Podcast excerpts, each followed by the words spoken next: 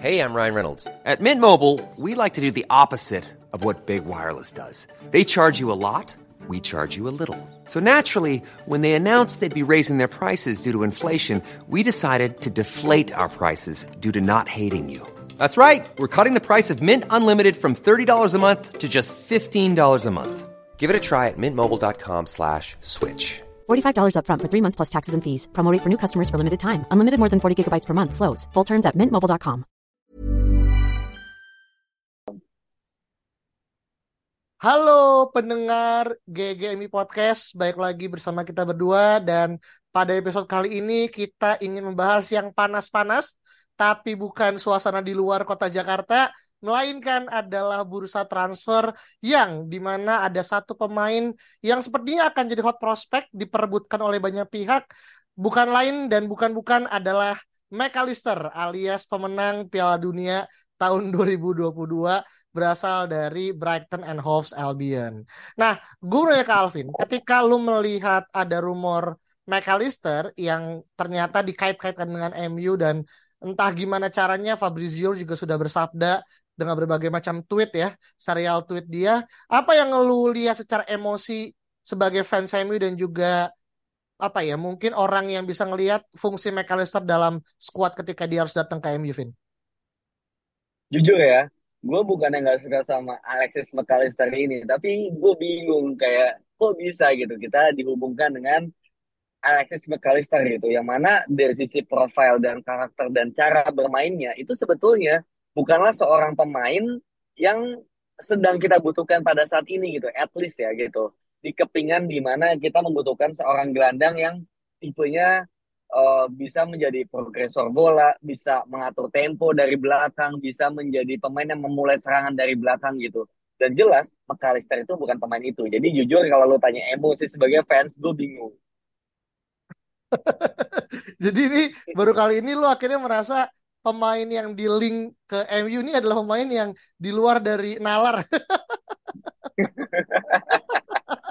Iya iya gitu tapi, gitu. Tapi gini Vin, kayak terlepas daripada mungkin profil McAllister yang dirasa tidak cocok dengan apa yang kita cari atau mungkin kalaupun harus datang mungkin prioritas kedua, ketiga, keempat, tapi yeah. ada rumor yang akhirnya mengaitkan MU dengan McAllister gitu. Kira-kira ini apakah pure karena memang McAllister yang katanya dikabarkan juga bakalan pasti akan cabut dari Brighton ya, gue gak tahu apakah karena kontrak udah habis atau apa nanti bisa coba gue cek.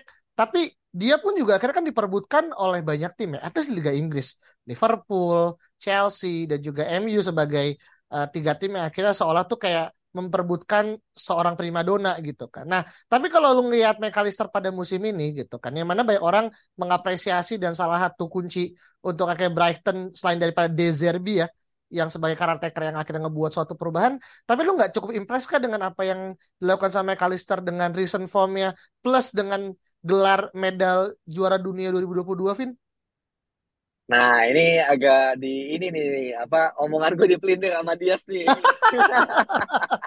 Iya, gue gini. Sorry. Gue bukannya gue nggak impress ya. Gue gue merasa impress dan dia adalah pemain yang bagus gitu di dalam sebuah sistem. Dia cocok dengan sebuah sistemnya De Zerbi, dia cocok juga dengan sistem bermainnya uh, siapa pelatihnya Argentina kemarin Scaloni. Tapi um, kita juga harus tahu gitu bahwa di MU sekarang itu bukan sosok seperti dia yang menjadi prioritas nomor satu. Mungkin prioritas nomor dua atau nomor tiga, tapi bukan nomor satu gitu aja gitu loh. Jadi kalau dibilang impress, gue impress, gue suka gitu bagaimana dia bisa membuka ruang, kemudian dia juga bisa memberikan uh, apa melakukan kombinasi-kombinasi dengan pemain-pemain lainnya ya, di Brighton di Argentina, kemudian bisa cetak gol, bisa cetak assist, bagus gitu. Cuma dia bukan first phase player gitu. Phase itu artinya adalah pemain di fase pertama permainan, yaitu build up gitu bukan pemain itu gitu loh. McAllister itu adalah pemain di eh, fase-fase uh, akhir gitu loh, di sepertiga akhir. Dan ini tuh sebetulnya mirip banget sama tipe-tipe kayak Thomas Muller, seperti Donny van de Beek, seperti itu. Makanya mungkin gue kemarin sempat nge-tweet, kalau misalnya McAllister ini nantinya dibeli untuk sebagai penggantian Donny van de Beek, at least McAllister ini adalah pemain yang sudah siap lah, udah ready bermain di Liga Inggris gitu secara fisik, secara teknik gitu. Kalau Van de Beek kan selama ini memang masalahnya lebih di fisik kan, yang dia nggak bisa cope dengan Liga Inggris dengan kecepatan dan juga ritme Liga Inggris. Setidaknya McAllister bisa. Nah, kalau misal concernnya di situ, itu gue masih masuk akal. Cuma kalau misalnya dia akan diplot sebagai pemain yang mengatur bola gitu, mengatur permainan dari belakang seperti Toni Kroos, seperti misalnya uh, siapa ya kayak Gundogan gitu, atau seperti Thiago Alcantara bukan gitu loh. Dia dia bukan tipe seperti itu gitu. Jadi bukan nggak impress, tapi memang bukan tipe pemain seperti itu yang kita sedang butuhkan pada saat ini at least gitu dia bagus kalau misalnya ya dia nanti misalnya kombinasi dengan Bruno atau dengan lihat saya tengahnya Casemiro, uh, Erikson dan juga McAllister. Nah itu bagus itu menurut gua.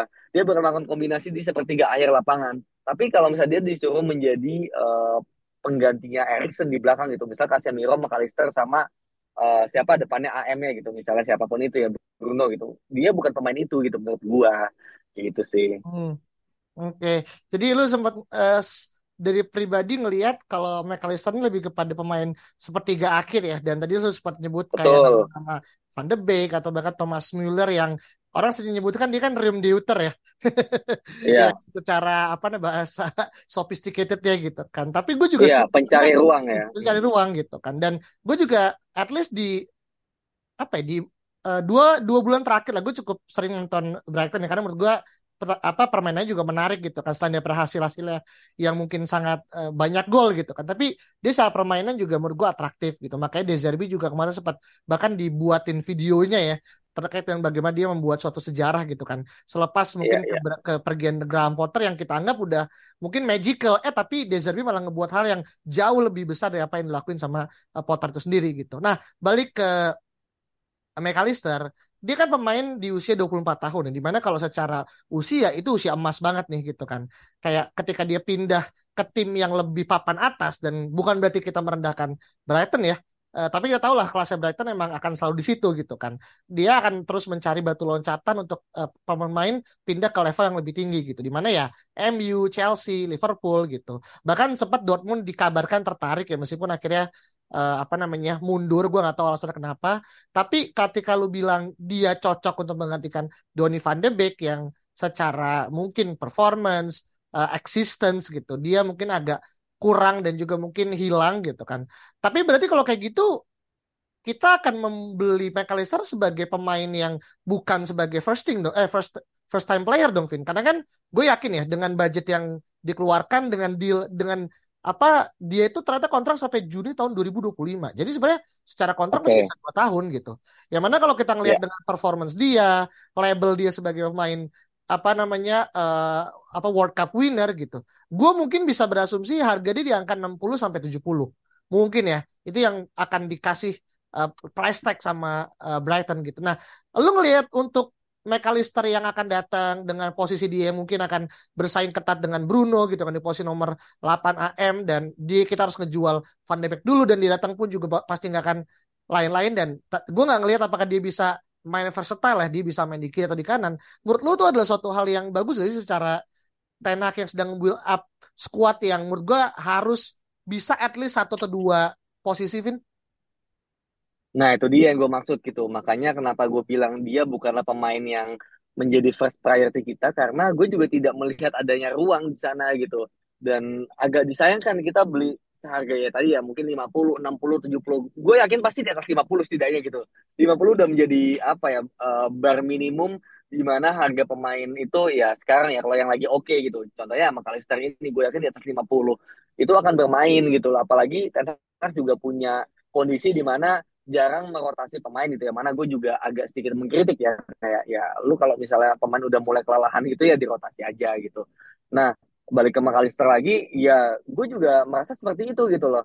Van de aja udah jarang main gitu. Apalagi nanti lu beli 50-60 juta McAllister and then masih menjadi second string yang uh, sifatnya kalau rotasional kayak di City ya kayak Pep ya itu mungkin masih sering main gitu. Tapi kalau misalnya sama Ten Hag itu kan jarang banget itu. Lindelof aja sejarang itu mainnya Nah, jadi gue merasa agak wasted juga kalau misalnya kita belinya sekarang gitu loh. Mending ya menurut gue ya, menurut gue ya kita beli apa yang menjadi primary dulu aja gitu. Yaitu ya kalau di posisi gelandang, primernya menurut gue adalah ya pelapis Casemiro yang bisa melapis sebagai box to box juga nomor 8 dan juga bisa uh, nomor 2 adalah gelandang yang bisa menjadi pengatur serangan. Udah itu dulu aja gitu. nomor 10 ya gampang gitu loh. Maksud gue Bruno bisa dibilang bebas cedera gitu kan. Paling sus suspend aja kan gitu. Jadi nomor 10 ini menurut gue ya masih bisa di masih bisa diakalin lah gitu. Bruno masih jarang jarang cedera dan Erikson pun bisa dimainkan di sana gitu. Jadi menurut gue ya bukannya gue tidak menilai McAllister sebagus itu, tapi bukanlah pemain yang saat ini dibutuhkan gitu. Nah mungkin pertanyaannya kenapa kenapa uh, dihubungkan kan dengan MU sekarang gitu. Ya menurut gue ya mungkin yang pertama memang ada pembicaraan gitu loh antara MU dan juga agennya ya atau dengan pemainnya itu sendiri itu dengan McAllister itu sendiri. Mungkin ada tapi kan namanya pembicaraan awal itu wajar. Kayak ya ibaratnya cowok deketin cewek lah gitu ya. Semua orang diajak ngobrol ya kan? Semua cewek diajak ngobrol tapi bukan berarti lu suka gitu loh. Bisa aja cuma di prospek doang kayak ah gue pengen tahu nih gue tertarik sama nih orang tapi bukan berarti gue bakal jadian gue ajak ngobrol aja dulu. Nah ketika udah ajak ngobrol orang udah ngeliatnya wah ini ngedeketin nih bakal jadian nih. Padahal mah ngobrol aja. Belum tentu kan jadi juga gitu. Kalau nanti ternyata dia jatuhnya ke cowok lain ya nggak apa-apa. Orang cuma ngobrol kayak gitu. Analoginya ya gitu. jadi kalau ada obrolan itu bukan berarti and then bakal dibeli gitu. Bukan berarti bakal langsung deal gitu. Enggak bisa aja emang cuma gue tertarik bisa aja ini nanti jadi opsi ketiga keempat kelima gue gitu at least kalau ternyata nanti dibutuhkan dan McAllister ini uh, ternyata belum dibeli sama Liverpool, let's say sama Chelsea juga belum, dan ternyata butuh McAllister gitu, at least udah ada pembicaraan kan dari kemarin gitu. Jadi namanya bicara-bicara sekedar small talks atau meeting-meeting itu ya wajar. Jadi menurut gua uh, kalau kita dihubungkan uh, wajar gitu, tapi bukan berarti kita and then bakal langsung menjadi priority number one sih menurut gue. Oke, ini analoginya menarik ya tentang bagaimana pria yang mendekati banyak wanita tapi belum tentu dia akan jadian gitu. Iya iya iya iya iya. Tapi emang bener ya kayak mungkin juga kan kalau di Indonesia kan ada ya kayak semacam stigma nggak MU nggak makan gitu kan. Oh. nah, di luar negeri mungkin juga ini berlaku tapi dengan terms yang beda gitu ya, dengan apa idiom yang berbeda gitu. Dan memang hmm. ini sebenarnya menurut gue juga kayak ini juga diperparah bukan diperparah dalam konteks negatif tapi dalam diamplifikasi dengan Fabrizio yang nge-tweet emang kalau uh, McAllister akan cabut gitu dan bapaknya McAllister ya. ya Carlos McAllister dia bilang gitu normally the next transfer will find him playing in another club gitu berarti udah bapaknya udah bilang gitu kayak kemungkinan besar gitu kan normally dia akan pindah gitu di next transfer segala hmm. macam gitu dan Ale, apa Alexis ya uh, McAllister juga apa namanya akan menentukan nanti di bulan Juli gitu, bulan Juni Juli lah gitu. Karena sekarang dia pun ya kalau misalkan teman-teman juga nonton Brighton cukup uh, apa namanya sering, dia tuh adalah leading scorer Brighton gitu dengan dengan 8 gol gitu.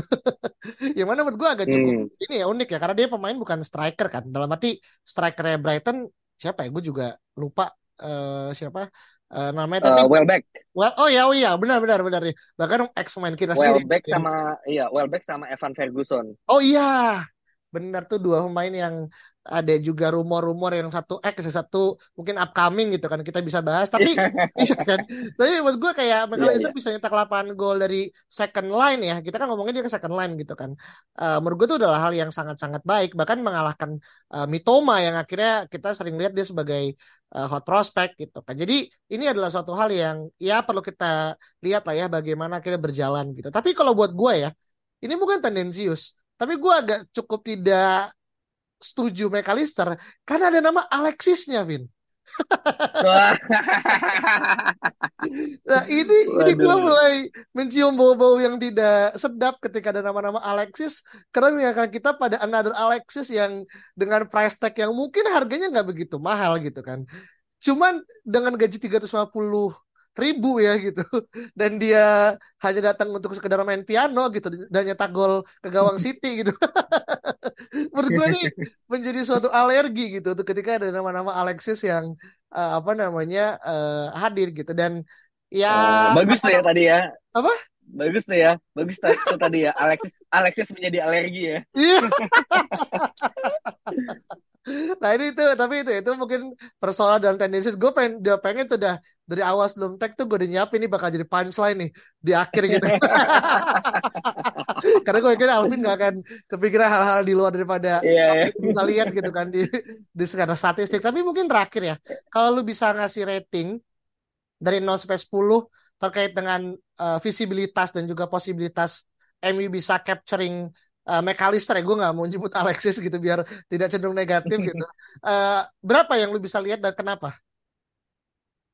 Oke, mungkin sebelum ke situ ya, ada satu uh, trait ya atau satu ability yang menurut gua tuh sebenarnya bagus banget, yaitu dia um, bisa bermain under pressure. Maksudnya adalah dia bisa keluar dari pressure. Gue sering lihat di highlight ya, meskipun bukan di match langsung ya, gue sering lihat di highlight bagaimana dia tuh yang tadi mungkin membelakangi uh, gawang lawan ya, maksudnya dia membelakangi lawan, somehow ketika nerima bola itu dia bisa keluar gitu loh dari pressure dan itu tuh bagus banget sebetulnya sebagai uh, apa ya ya bermain di Liga Inggris bermain build up gitu. Jadi nggak um, selamanya lu harus madep ke depan gitu. Lu ketika ada belakang lu sama bisa keluar dari uh, tekanan pemain lawan itu gitu. Dari pressing lawan tuh lu bisa dengan cara seperti itu. Dan itu gue sangat apresiasi di mana ya itu adalah kemampuan yang apa ya uh, sangat-sangat underrated. Bisa keluar dari under pressure seperti itu. Dan juga pressing dia juga bagus gitu ketika dia lagi fase bertahan. Jadi memang sebetulnya ini adalah pemain yang uh, secara individu mungkin nggak terlalu bagus ya. Tapi ketika lu punya sebuah sistem dan lu bisa make McAllister itu bakal bagus banget sebetulnya gitu. Asal memang slotnya ada dan dia diberikan jam bermain yang cukup ya supaya dia juga bisa nyaman gitu. Sebetulnya itu gitu dan gue juga sempat baca stat di mana dia adalah salah satu pemain gue lupa ya di Liga Inggris kalau nggak salah ya yang paling banyak menerima progressive passes gitu. Berarti kan dia bagus dalam pencarian posisi gitu, di mana progressive passesnya bagus, mungkin dari dari Kaisedo ya atau dari Pascal Gross ya.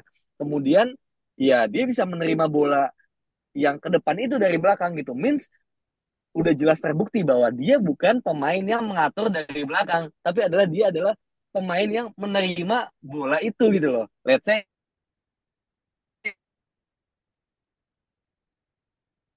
aja misalnya dia bermain let's say misalnya uh, misalnya gitu. Ya Frankie De Jong adalah pemain yang memberikan progressive passes dan juga McAllister adalah pemain yang menerima progressive passes tersebut gitu di posisi-posisi yang krusial dan bisa berkombinasi juga dengan penyerang atau dengan pemain sayapnya itu gitu. Loh jadi memang clear dia adalah pemain di fase ketiga di fase sepertiga akhir itu gitu loh. Nah mungkin kalau balik ke pertanyaan tadi ya apa ini ya kemungkinannya satu dari satu sampai sepuluh. Menurut gue ya menurut gue ya di fase di mana MU sedang memiliki banyak target dan kedua ada rumor di mana katanya Glazer juga tidak jadi menjual ya gitu kan. Jadinya bakal dilepas secara bukan dilepas ya tapi bakal menerima yang sifatnya adalah investasi. Dan ya kita nggak pernah tahu ya itu yang mana yang jadi dan dengan situasi seperti itu, kalaupun nanti dilepas ke Qatar ataupun 100% ke siapa pun itu, itu kayaknya juga bakal late ya juga. Jadi nggak akan ketika bursa dibuka itu kita udah ready gitu. Nah, jadi gue tidak merasa bahwa pembelian McAllister ini akan menjadi pembelian yang nomor satu gitu loh. Menurut gue, jadinya gue bisa bilang, um, apalagi ada kemungkinan kita beli back, kita beli gelandang yang lainnya, kemudian beli penyerang juga. Gue merasa kemungkinannya ya, ya dua atau tiga dari sepuluh sih serendah itu menurut gue. Waduh, waduh. Dan dan gue gue lebih yakin gue lebih yakin dia bakal ke Liverpool. Karena. Liverpool butuh gelandang men. Liverpool butuh gelandang gitu, butuh gelandang seperti itu gitu loh. Jadi memang ya menurut gue ya ya Liverpool gini Liverpool itu butuh gelandang dan dia udah pasti nggak dapet Jude Bellingham gitu loh karena harganya terlalu mahal. Jadinya ya ya Liverpool udah tinggal bayar aja menurut gue. McAllister sama Mason Mount udah dapat lah itu harusnya. Walaupun Mason Mount dan juga McAllister secara posisi mungkin agak mirip ya. Tapi Mason Mount Mirip, iya. versatile ya. Misalnya dia bisa main di kiri, di kanan gitu kan. Eh, tapi oke lah, misalnya ketika lo bilang dua dan ada faktor Liverpool yang ini gue juga lihat di eh, Fabrizio juga kayaknya tuh angin-anginnya tuh lebih ke Liverpool ya. Apa namanya McAllister gitu kan. Jadi tinggal kita lihat mana yang lebih betul. Tapi meskipun ya kalau benar jadi ke Liverpool, dari Liverpool misalkan terlepas dia menang 6-1 ya lawan Leeds di Ellen Road gitu. Tapi belum menjamin dia akan masuk ke zona uh, Eropa, Eropa. Menurut gua Betul. iya kan? Menurut gua ini perlu dipertimbangkan juga gitu karena ya Brighton lagi fighting untuk main di Europa League gitu kan gitu. Dan kalau lu akhirnya cabut Hmm. ke Liverpool yang mungkin gak masuk ke zona itu gitu. Ya menurut gua mungkin secara brand dia naik gitu. Tapi secara kompetisi dia turun gitu. Iya Iya kan? iya iya iya. Iya kan? Jadi menurut gue ini agak agak cukup lucu. Even kalau ke Chelsea pun apalagi ya. Lu lebih turun lagi gitu secara kompetisi gitu. Yang bener kalau bener ngomongin pasal kompetisi pasti ke MU gitu. At least kita masih bisa Iya. nanti at least main di Piala Eropa lah gitu ya, entah Liga Champions atau Liga Eropa kita masih belum tahu gitu. Tapi itu yang at least menyamai rekornya eh, pencapaiannya Brighton di musim ini gitu. Jadi menurut gue tuh hal yang ya nanti bisa dipertimbangkan baik-baik ya sama eh, Alexis McAllister gitu kan terkait dengan bagaimana akhirnya perpindahannya menjadi suatu krusial. Karena once dia pindah ke Liverpool dia udah nggak nggak bisa pindah ke MU menurut gua ya gitu. Itu udah Hmm. udah deadlock lah Iya, gitu. iya. even lu ke MU nggak akan bisa ke Liverpool juga karena ya sulit terjadi hal-hal seperti ini gitu kan segala macam. Jadi nanti kita lihat aja seperti apa eh, apa namanya hal yang akan terjadi. Dan terakhir gue pengen ngasih kabar eh, ini kabar mengembirakan tapi eh, mungkin kalau mungkin orang-orang ngerasa kalau GGMU tuh ya MU tapi mungkin lebih kayak MU yang laki gitu kan atau yang MU yang mainnya gitu kan. Tapi ini gue juga mau menyiarkan satu informasi tentang MU Women di mana kita menang 3-2 lawan Brighton nih timnya McAllister ya gitu. Eh, yang akhirnya ngebuat kita akhirnya masuk ke final Piala FA di Wembley. Jadi musim ini MU udah main dua kali ya akan main dua kali nih. Eh, di Wembley at least MU Carabao final dan juga MU Women eh, Carabao eh, sorry FA eh, final juga gitu kan. Jadi itu sekelas info terkait dengan apa yang bisa kita beritakan dan mungkin kalau teman-teman mungkin ada yang tertarik dengan MU Women kita bisa ya Vin, mungkin